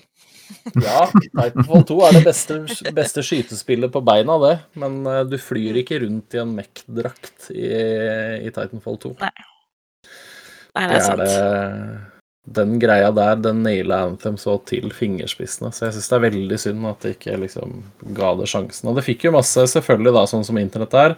Så var det sånn når det begynte å komme rykter om at å, shit, nå skal de ha en sånn derre financial call-greie med investorer og sånn, og så skal, de komme, skal de bestemme seg for hva som skjer med Anthem og sånn, og så ble det masse, masse støtte, og det var Reddit-tråd på Reddit-tråd med liksom hipp av Phantom. Eh, men det var jo altfor lite altfor seint, så da stengte de butikken. Det er, ingenting hadde vært kulere enn om Anthem hadde vært et kult dataspill, men det var det aldri, eh, dessverre. Så Nei, der er vi ikke helt enige. det var jo ikke et bra spill. Det var gode elementer i det, men det var aldri et bra spill. Det må du også du være enig i. Det, eh, det var mye svakheter, men du får ikke meg til å si at Anthem ikke var et bra spill. Det var mye der som ikke funka som det var, men kjernen i Anthem er noe av det kuleste jeg har spilt. Det var en god tech-demo. Det var det det var. Ja, de hadde ikke noe De, hadde, de mangla litt retning. Den skal jeg være med på. Ja, de mangler mye rart. Eh, Skulle jo gjerne hatt et minutts stillhet for eh, Anthem, men det blir så innmari dårlig podkast. Og vi kommer til å skli ut etter sånn ti sekunder. altså, jeg, jeg, altså, tror jeg og Susanne er klare for å bare ta bølgen, egentlig, for at Anthem legges ned, men, det- men det er greit. Det er ikke så mye bedre podkast når jeg tenker meg om, så det, vi, vi dropper den også. Ja, det er også veldig visuelt. Bølgen. Ja. Vi kan jo lage bølgelyder, da, men Jeg eh, håper Det var veldig Eh, kult hvis de miksa det eh. sånn at liksom Susanne begynte i venstre øre, og så avslutta Marius i høyre øre. Det hadde vært veldig kult. Ja, mm. Ring Jonas, Jonas. umiddelbart. Jonas! Ja. Eh, men Altså, jeg, eh, jeg håper jo eh, Jeg håper jo at de som har blitt flytta over fra Anthem Next til Dragon Age 4, kun skal jobbe med å gi Solus trangere tights. Fingers crossed. Åh, Salas. Det høres ut som en jobb for 30 pers. Ja, minst. minst. Yes. Eh, håper å si det var flere, flere gode nyheter fra EA eh, denne uka. Eh, fordi de har også eh, bestemt at de dropper flerspillerdel i Dragon Age 4. Og det Oh tenker jeg også er utelukkende positivt. Eh, det har jo vært flerspillerdeler i Dragon Age tidligere, og det har vært bra søppel. På samme måte som alle flerspillertingene i Mass Effect har vært søppel. Det, det har liksom vært sånn Hei, vi lager en stor enspilleropplevelse. Eh, men la oss nå liksom lime på en sånn dårlig sammensatt som Du kan potensielt spille dette mot noen andre, og så kanskje et system hvor du kan få litt lut og sånt. Og så håper vi at du skal kjøpe ting til dette. Eh, fordi man har tenkt at Games as a Service må alle spill være. Men det har de nå faktisk tenkt at de trenger det ikke være. Så nå kan de bruke alle ressursene på å lage en god innspilleropplevelse av Dragon Age 4 isteden. Det må være positivt, så det spillet jeg kanskje skjønner noe annet. Jeg syns det er kult at vi har kommet dit nå at istedenfor at alle skal bli Games as a Service, så, er det, så går man andre veien og sier sånn Nei, vi kutter multiplayer, vi. Ja, og at det kommer fra. Electronic Arts, liksom, det, det er faktisk litt overraskende. Det sies at det var to, to store ting som på en måte førte til at man, man kom fram til den konklusjonen. Det ene var at Anthem gjorde det så legendarisk ræva. Eh, med å skulle være en sånn type Games as a Service-sak. Og det andre er rett og slett det Jedi Fallen Order som gjorde det såpass bra som en sånn begrensa enspilleropplevelse. At jeg kanskje skjønte at eh, hei, her, går- det, går, det er kanskje det er et marked for den typen spill likevel. Og så er det jo den type spill som blir de beste spillene eh, i stort sett alle årets spillkåringer. Det er veldig sjelden som sånn Games as a Service-spill ligger helt der oppe. Det er alltid singleplayerspill som vinner Game, Ja. Game of the Year. Det er liksom eh, Nei, det er, det, er veldig, det er en veldig god utvikling, syns jeg. Selv om eh, nå gir vi jævlig mye pepper til Anthem her, og det liker jeg veldig dårlig. Eh, så, så er dette Det er bra, da. Jo, også, men det er noe med av at, altså, det er noe med å reindyrke hva spillet skal være, da, som gjerne er en fordel. Et spill kan ikke være alt. Eh, hvis du har lyst til å lage Fortnite, OK, lag Fortnite. Det kan åpenbart tjene masse penger hvis du gjør det. Eh, men ikke liksom lag eh, Last of Us og tenk at det skal være både Last of Us og Fortnite samtidig. fordi det kommer de ikke til å få til. Garantert. Nei. For øvrig, den beste multiplayeren i et spill som egentlig ikke burde ha multiplayer, vet du hva det er? Nei, nå er jeg spent. Det er uh, Uncharted. Eh, jeg, jeg, dette vet jeg ikke noe om. eh, Nei. Uncharted hadde, en uh, multiplayer-del. Det var vel Uncharted 4, tror jeg kanskje. Som eh, Jeg husker ikke om de spillene før hadde det. Men den var faktisk eh, Den var faktisk skikkelig kul. Det var ordentlig gøy å spille multiplayer. Men det var jo ni stykker som spilte den, da, tror jeg. Men det var, Ja. det var morsomt. Det var helt, helt unødvendig å ha det der. Eh, men den det, var, det var gøy. Der hadde de gjort det bra. Det var flerspillerdel til Bioshock. Kanskje det var Bioshock 2, kanskje. Men der var det altså flerspiller. Den også var det syv stykker som spilte. Jeg spilte online i uh, Assassin's Creed Black Flag, ja. Åh, oh, herregud, stakkars deg. en eh, ja, men Det var en modus som var litt fiffig, som, var, som gikk på at man skulle late som man var uh, NPC. Ja, stemmer det. Og så var det om å gjøre å ta livet av uh, andre spillere, da. Så fikk du minuspoeng hvis du drepte en NPC. Det var litt Jeg begynte eh, vel, i, begynte vel med det i Unity, tror jeg, for der spilte jeg den. Den var jo også litt morsom, Mm. den Ja, den er litt sånn fiffig, men i eh, Mm. det holdt det som en halvtime, så jeg gjorde ikke det noe mer. Nei, og da må jo kanskje de også skjønne at det er ikke vits i eh, å lage en sånn bruke ressurser på å lage en sånn flerspillerdel. Det, det er ikke måten å holde liv i en sånn type spill, rett og slett. Nei. Eh, EA har vært ute med flere eh, ja, avgjørelser eh, denne uka. Eh, de har også bestemt seg for at de utsetter det neste spillet i Need for Speed-serien. eh, og har satt Criterion eh, til å jobbe på Battlefield 6 i stedet. Endelig blir kjøringa i Battlefield-spillene bra. Kanskje? Mulig? Eh, Det, er, det hadde vært en innmari kul kombo da, med ordentlig badass bilkjøring eh, i Battlefield. Liksom Need for speed handling og rallycross. Og så bare hopper du ut av bilen, fyrer av en RPG, og så bare rett inn og kjører videre. Fader, da hadde jeg kost meg, ass. Hvis du får tune bilen i tillegg, og style det på sånt, og sånn neonlys rundt tanksen din og sånn, da Jeg tenker mer du liksom er ute og råkjører med tanken din, og så plutselig kommer politiet på nakken etter deg. Eh, Du må kjøre dem. Eh, Ja. Mange gode muligheter her. jeg, blir, jeg, er litt, eh, jeg gleder meg til å se Battlefield 6 på nye konsoller. Såpass ærlig skal jeg være. Det, det pleier jo stort sett å pushe, pushe hardware ganske hardt, så det blir litt gøy. Spørs om ikke vi får eh, PC Master Race-folka hardt i monitor med en gang, eh, vil jeg tippe. Men, eh, men ja. Battlefield 6 skal multiplayer maps supporting as many as eh, 128 players. Åh, det er kaosspill, da. Det er et helvete å spille Battlefield, for du veit jo aldri hvor de skyter på deg fra. Det er helt kokos. Altså, altså, jeg klarer å dø uansett vinkel jeg blir skutt fra. Så det er Ja ja, det er ikke noe problem. naturtalent. eh, Sånn tenker jeg.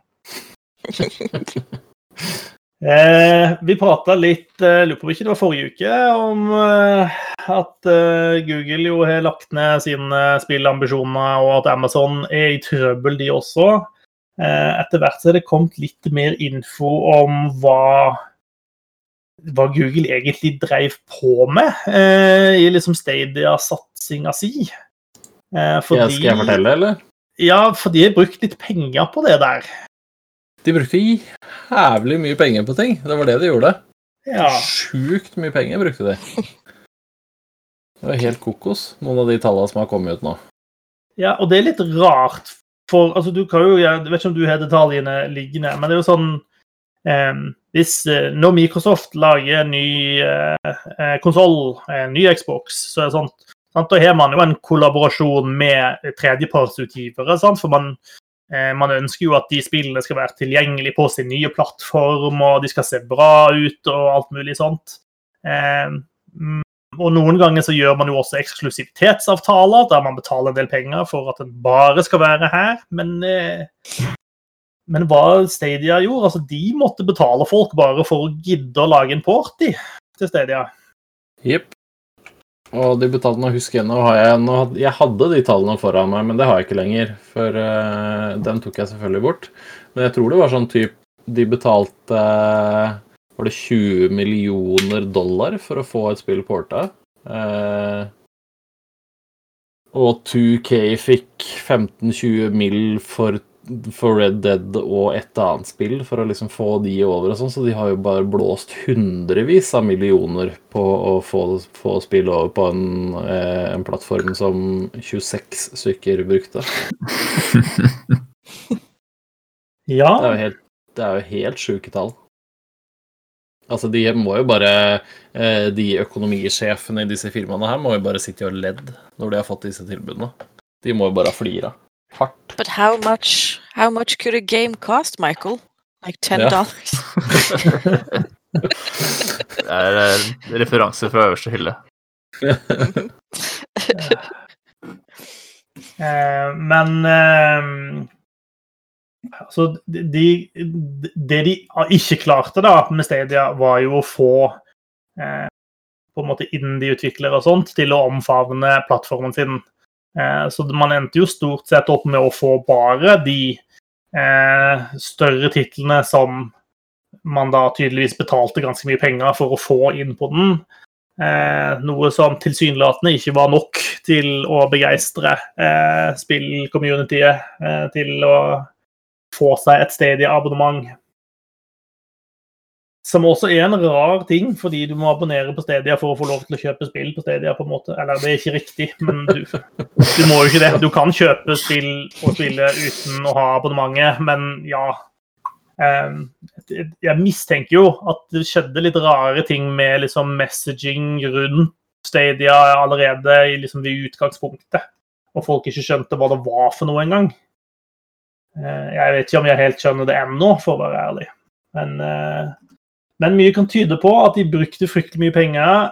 Eh, I, i, I hindsight så kan vi jo kanskje mene at de brukte de på feil ting. Eh, Det funka jo tydeligvis ikke, da. Det er ikke gitt at det hadde blitt en større suksess om de tok de millionene og brukte de på noe annet i stedet. Who knows? Eh, Men altså, Stadia Ja. er fortsatt eh, en aktiv tjeneste, liksom. Jeg tror vel vi begynner vel å bevege oss nærmere og nærmere det at det er Microsoft som kommer til å treffe først med den der cloud og spillstreaming-greiene. At det er de som liksom får det til ordentlig med, med hele det nettverket de har bygd seg opp nå. Ja, ja. Altså, altså, altså Sony har jo sin tjeneste som de har hatt ganske lenge, som liksom putter og går. Ja, men det PlayStation liksom, Now, eller hva det heter. Blir liksom peanuts i forhold, da. Utvalget og sånn. Jo da, for all del. Og du har Nvidia som, som har hatt sin tjeneste, som jo skal funke veldig bra, da, men som vel kanskje også har hatt et ganske begrensa nedslagsfelt enn så lenge. Ja, der var det jo masse Jeg, jeg brukte den en stund, og det funka fint, den, altså. Og den funker fint enda, den, for så vidt. Men der mista de jo rettigheten til å ha mange spill representert, fordi de ikke hadde vært helt tydelige på hvem som fikk hvilke penger, og hvilke spill som fikk være der og ikke og sånn. Så de har jo rota mye sånn. Ja da. Og så har du Amazon Luna, da, som eh, Ja. Who knows hva Ja. det kommer til å bli. Eh, når vi ser hvor mye Amazon sliter med spillutviklinga si, så kan man jo bli litt eh, Jeg trodde det var det romfartsprogrammet de sitter. ja. Kanskje, potato. kanskje det blir gjøre det samme. Who knows, vi får se. Eh, de skal vel bytte ut eh, toppsjef i Amazon nå, så kanskje det gjør noen forskjell. Who knows? Kanskje Jeff Bezos ikke er all down with the gaming crowd.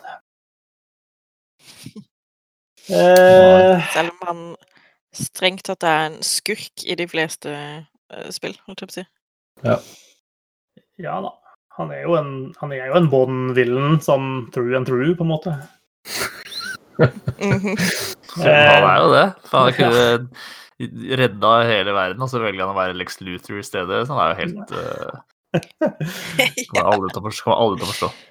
Det er en eller annen sånn der Twitter-konto som bare hver dag har en sjekk som der en eh, Have Jeff Bezos eliminated poverty today? Eller noe sånt noe. Og, og svaret er nei eh, hver dag. Eh, ja. Mm. Eh, Det er veldig deprimerende konto å følge. ja. ja. Eh, så er det noen som har skrevet noe om Pokémon inn i nyhetsarket vårt. ja, bare hyggelig det, Håvard. Uh, det var jeg som skrev det. Jo, eh, det Jeg var har ikke vel noe behov for å snakke om det. Nei, det var kanskje ikke det. Eh, det var vel Jeg veit ikke, var det en sånn direct, kanskje, hvor dette skjedde? Men det var, Det var en hvert sånn Pokemon, eh, egen dedikert Pokémon Direct på fredag. Ja. Og da blei eh, Pokémon Legends Arceus Arceus Jeg veit ikke helt hvordan man skal uttale det, for jeg har ikke sett så mye av det ennå. Blei ble annonsert. Det skal komme til Switch tidlig i 2022. Eh, og Der er det masse film og bilder og alt mulig sånn, men det er da altså det første Pokémon-spillet som er en sånn uh, sandkassespill. Det er satt til Sinnoh-regionen, som er en region i Pokémon-verdenen. Uh, Det er fjerde generasjon, er det ikke det? Altså, nå spør du way over my pay grade. Si sånn.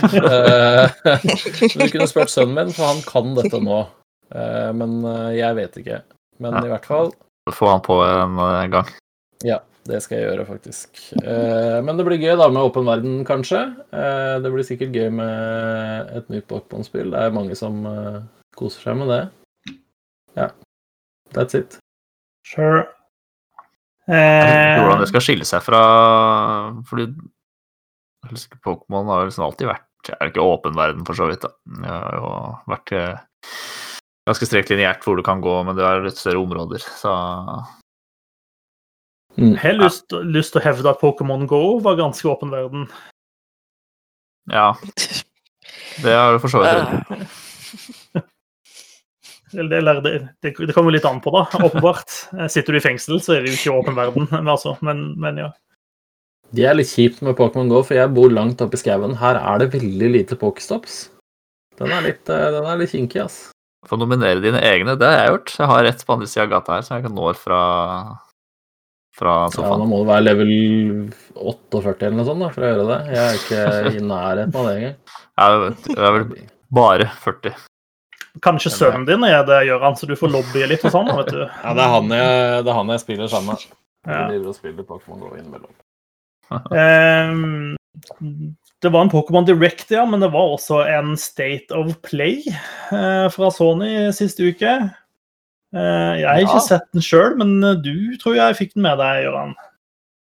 Jeg fikk med meg State of Play eh, i etterkant. Du, Eh, du, er jo, du er jo blitt en all out eh, Sony-fanboy etter du fikk kjøpt deg PS5. eh, Easy fanboy. Ja. Uh, ja. Uh, der var det litt uh, Det var ikke så mye sånn eh, nytt nytt, men eh, den første viktigste nyheten er jo kanskje at man fikk bekrefta at eh, Final Fantasy 7 Remake får da en sånn eh, PS5-oppgradering. Den heter eh, Final Fantasy 7 Remake Intergrade av en eller annen grunn. Okay. Eh, Men i hvert fall, da eh, oppgradert grafikk, mer bilder i sekundene og alle disse tingene som man kan forvente av en next gen-patch. Og så ble det også annonsert en utvidelse, en DLC-pakke, med en eller annen figur som tydeligvis er med i, i Final Fantasy 7. Jeg har ikke spilt det hele spillet, det gamle spillet. Men en helt sånn eh, Jeg tror det er en separat DLC-pakke, i hvert fall. Eller om du Men du spiller i hvert fall som en annen figur, da. Så det er kult. Det kommer i juni. Eh, oppgraderingen er gratis for de som har spillet, og DLC-en kommer til å koste penger. Um, og så fikk vi en bekreftet utgivelsesdato for Kena Bridge of Spirits, som veldig mange her, eh, her på denne podkasten gleder seg til, i hvert fall. Og det burde jo alle egentlig gjøre. Det spillet ser jo helt uh, nydelig ut. Mm. 24. august. Yes. Litt for lenge å vente, men uh, shit happens. Uh, vi Det fikk er se omtrent så lenge å vente for å få en eh, PlayStation 5 uansett. Ja, det er helt riktig, faktisk. Uh, vi fikk se mer fra Returnal. Det spillet pusher Sony ganske hardt, altså. Um, det ble Der, der har du spillet med et teit navn, for øvrig. Yes, sir. Det har du. Mm. Eh, Oddworld bryr jeg meg ikke noe om, så det gidder jeg ikke å si så mye om heller. Eh, fikk dato 6. april. Crash Bandicut 4 får en PlayStation 5-variant. Eh, vi fikk se mer av det der dodgeball-spillet som Ja. Jeg bryr meg ikke så mye om det, jeg heller. Og så kommer de som lagde Absolver. Det litt sære sånn eh, multiplayer kung fu-spillet. Uh, De heter Slowclap.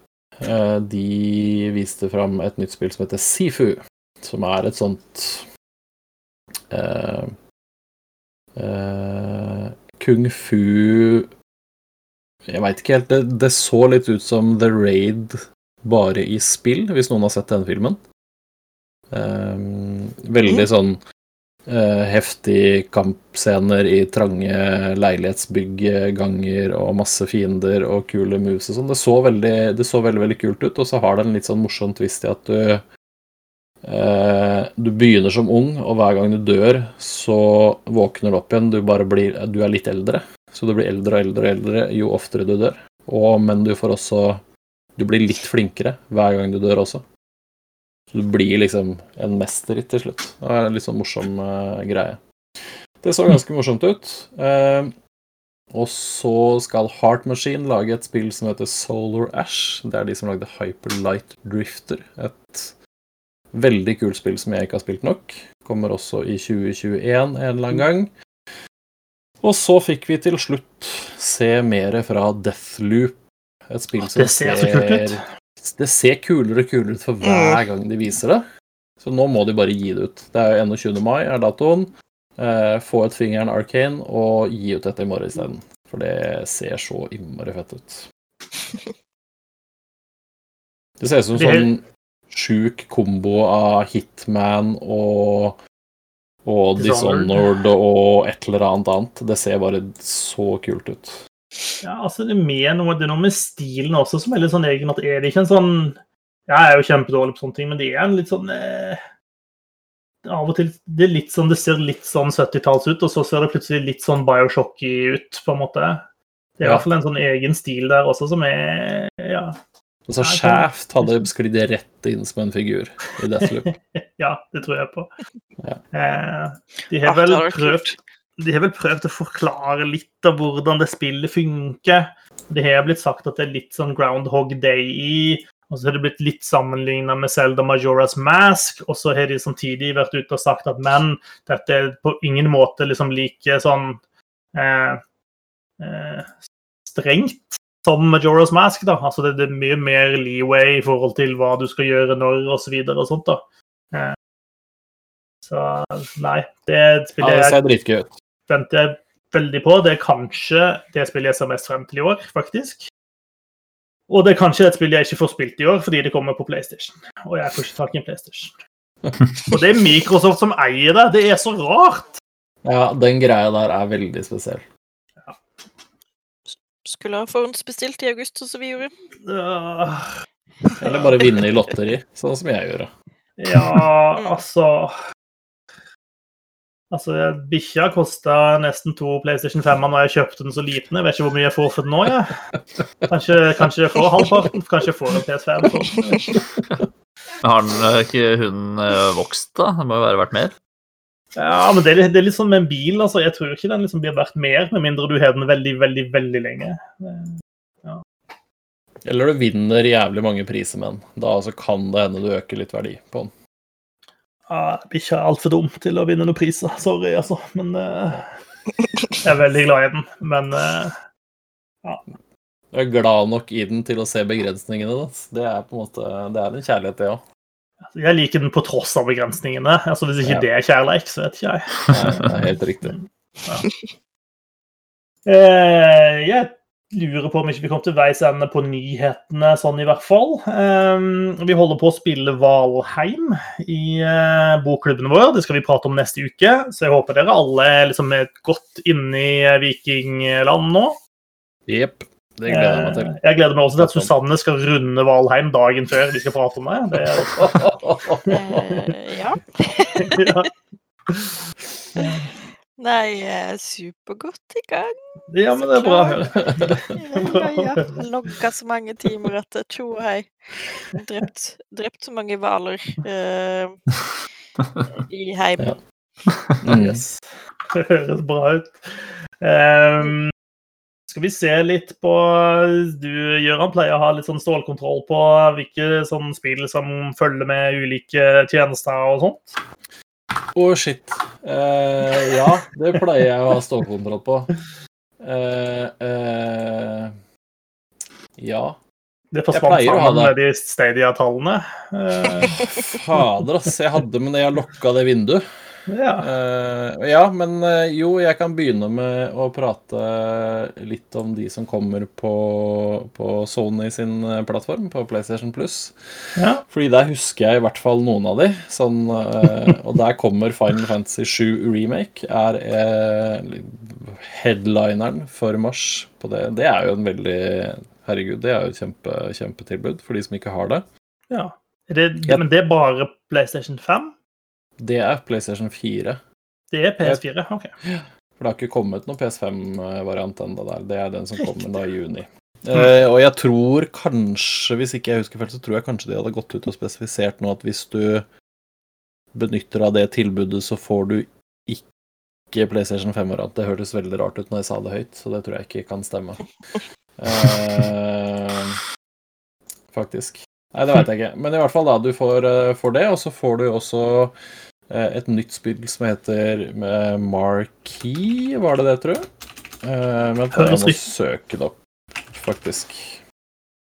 Marquee, tror jeg det var. Og det også ser litt interessant ut, fordi der Det er en litt sånn altså, eh, Nå skal ikke jeg Jeg har ikke spilt det, så jeg vet ikke noe om det, annet enn at det er en litt sånn kjærlighetshistorie som skjer inne eh, i en sånn eh, Nesten som en sånn Altså, du er inne i en sånn derre Et begrensa område, og så er det en figur som også er dette området, så når du Hvis du flytter en, en kloss da over i det derre lille eh, modellen av stedet du er i, så faller den klossen da ned der hvor du også er. Så du må liksom løse gåter ved å manipulere ting i den lille skulpturen for å da liksom komme deg over og så lage en bru av en nøkkel er en sånn type ting som de liksom har vist at du kan gjøre, da.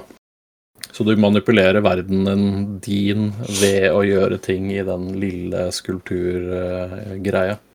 Eh, og så er det visst en sånn fin historie rundt òg. Eh, det virker ganske ålreit. Eh, utover det så får du eh, Farpoint. Det er et VR-spill for de som har VR. Og så får du også Remnant from the Ashes.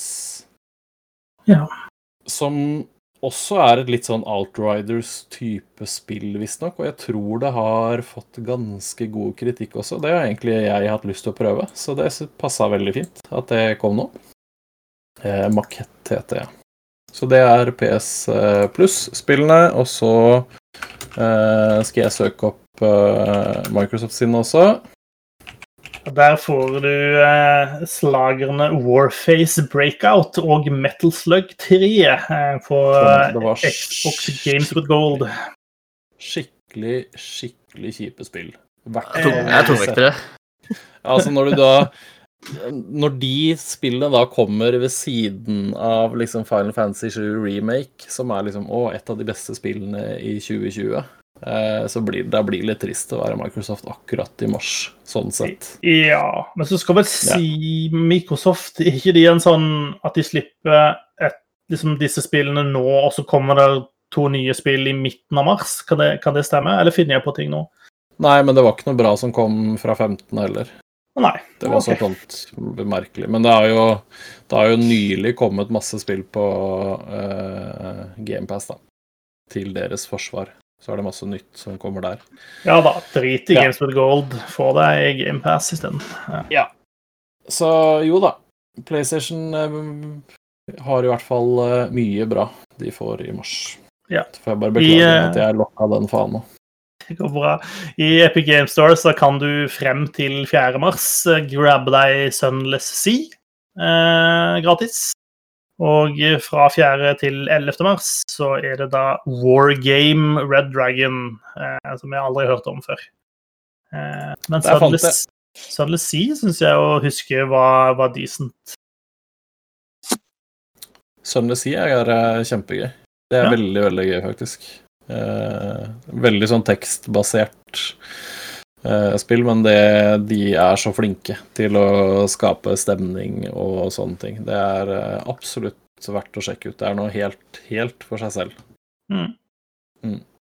Jeg oppdaget nettopp Eh. at du kan logge inn i Epic Game Store med Steam-kontoen din. Det syns jeg er ganske pussig. Fra 16. mars så kan du få et uh, Vicious Attack Lama Apocalypse, heter det som kommer med Games with Gold. Stopp pressen. Eh, Stopp pressen. Og Port Royal 3, tungevekteren fra 360-æraen. altså, det, var fant det var sikkert et OK spill når det kom ut, men ja det, eh, Nei, jeg tror ikke det. Yes. det var det Skal vi kikke litt på release-lista for mars? Den eh, Den er tynn, den også, føler jeg. Eh, Det virker ikke som at mars blir måneden hvor alle trippel Hei, A-spillene hei, kommer ut. hei, hei. Nå syns jeg jeg jeg vi er negative igjen. Oi, OK, jeg beklager. Eh, Jeg, du skal få lov til å gjøre mine ord til skamme, Gøran. Det kommer jo et nytt Monster Hunter-spill. Marius må vite. Monster Hunter Rise kommer 26. Eh, jeg, det jeg bare tulla litt nå, faktisk. Jeg gleder meg ikke så mye til det som jeg gjorde til Monster Hunter World, men det er kanskje fordi jeg er litt sånn eh, Og jeg syns det var så kult å spille på PlayStation og ikke Nintendo. Men eh, Ikke spør meg hvordan, men jeg så den Monster Hunter-filmen her for eh, forleden dag, bare. Med Mila Oi. Jovovich. Mm. Hvor så du den? Han Ja. sa du ikke skulle spørre, sa han. Spør etterpå, ikke nå. eh, men, eh, også sånn redd bortsett fra at Mila Jovic hun er på en måte eh, kongen Queen. av- og alt. Av alt, Yep. på en måte. Eh, så blei jeg Jeg kjente at det begynte å kile litt i Diablos eh, murder-knappen min, altså. Så jeg, jeg er klar for nytt Monster Hunter nå, faktisk. Mm. Men da må du tilbake på switchen, da, eller? Ja, og det er litt sånn Jeg syns det er litt kjipt, men jeg, jeg har ikke prøvd demoen, jeg har ikke gjort noen ting, så det, det blir sikkert gøy. Og det er litt sånn Holy shit, jeg brukte sikkert 150 timer på det forrige Monster Hunter-spillet, så Og jeg har vært veldig nære på å laste det ned på nytt på, på PlayStation 5, men det tenkte jeg at det kan jeg virkelig ikke gjøre. Det, det, stopp nå, mens leken er god. Men du vet, Gjøran, Gøran, at eh, Mars også bringer PlayStation 5-utgaven av Marvels Avengers.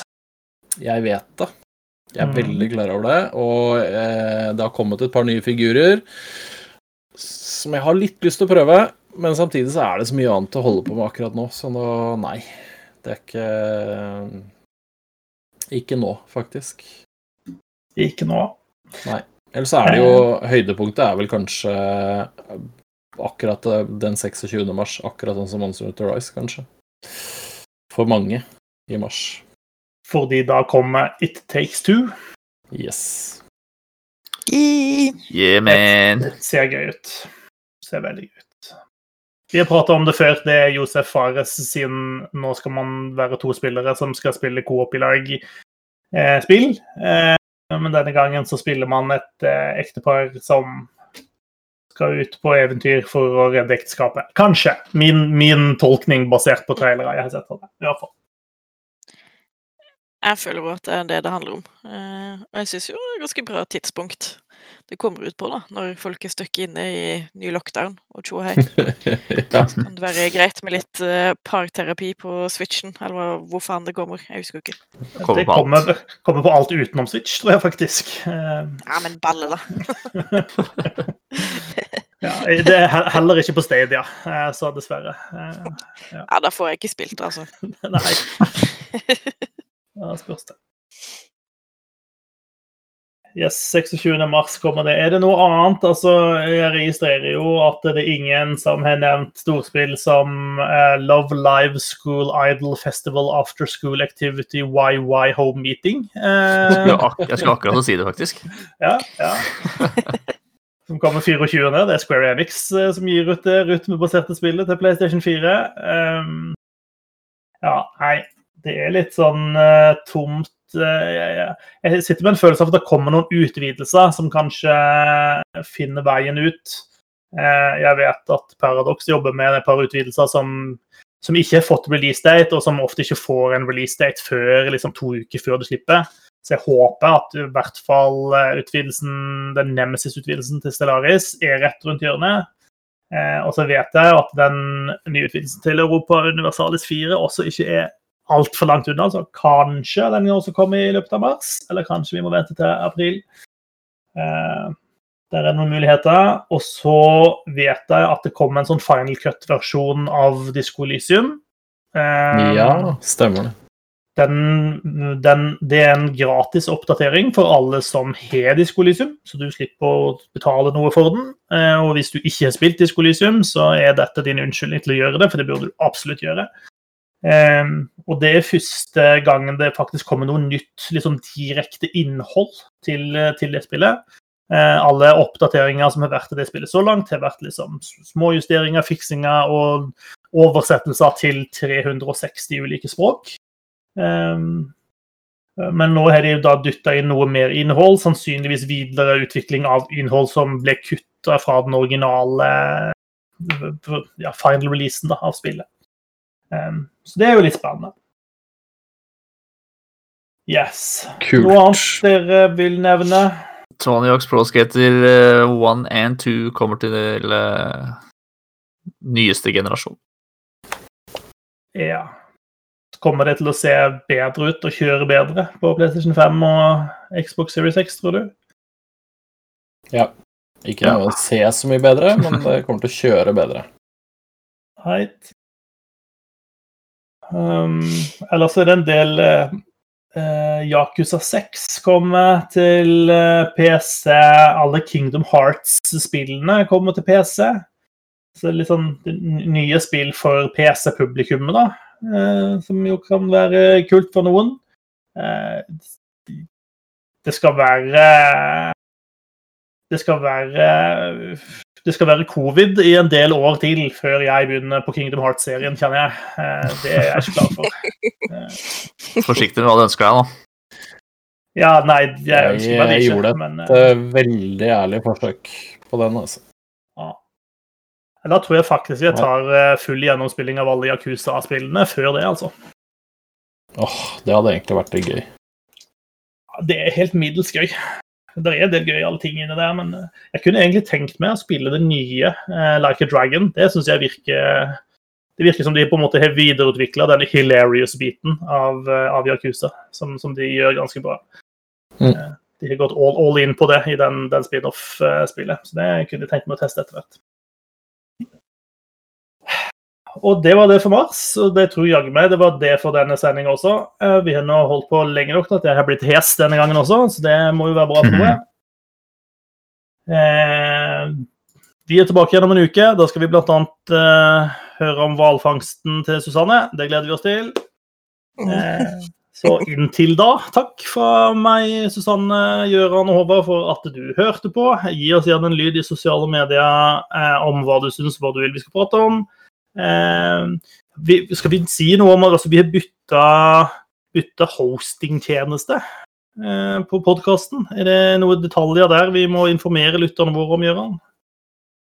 Ja, det var lurt at vi ikke tok helt på starten av episoden. Uh, det skulle vi selvfølgelig gjort. Jo, vi har bytta fra én hosting til, til Podbean.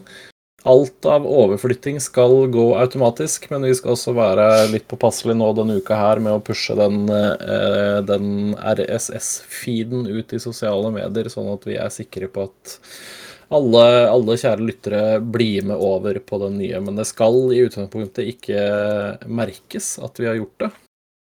Altså, hvis... skal dukke opp i den appen vi vanligvis bruker åkke som. Ja, altså hvis du allerede abonnerer så vil det abonnementet fortsette, selv om vi har bytta hosting. De som vil merke det, er de som manuelt har gått inn på SoundCloud-sida til Double Jump hver uke for å lytte på. De, de må nå. Ja, og det har, eh, det har, jo vært noen av de også, sånn tydeligvis, tror jeg. Så ja. Vi skal, vi skal dele den feeden eh, litt sånn eh, opp igjennom de neste ukene for å være sikre på at alle får det med seg. Men i utgangspunktet så skal du ikke trenge å gjøre noen ting, men bare dobbeltsjekk at ja, hvis du hører det her, så har du allerede fått den nye episoden, så da er det for så vidt greit. Men ja, vi har bytta. Uh, ting kommer til å bli bedre fordi vi har bytta, i hvert fall for meg. Det er ikke sikkert noen andre merker noe til det, men uh, yes. Yes. Så hvis du er med oss til neste uke også, uh, på gjenhør da, og takk for nå. Ta oss på ass. Ha det bra. Kjøla, kjøla, hei.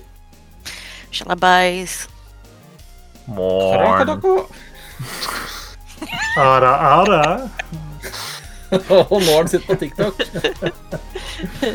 Altfor mange timer, min venn.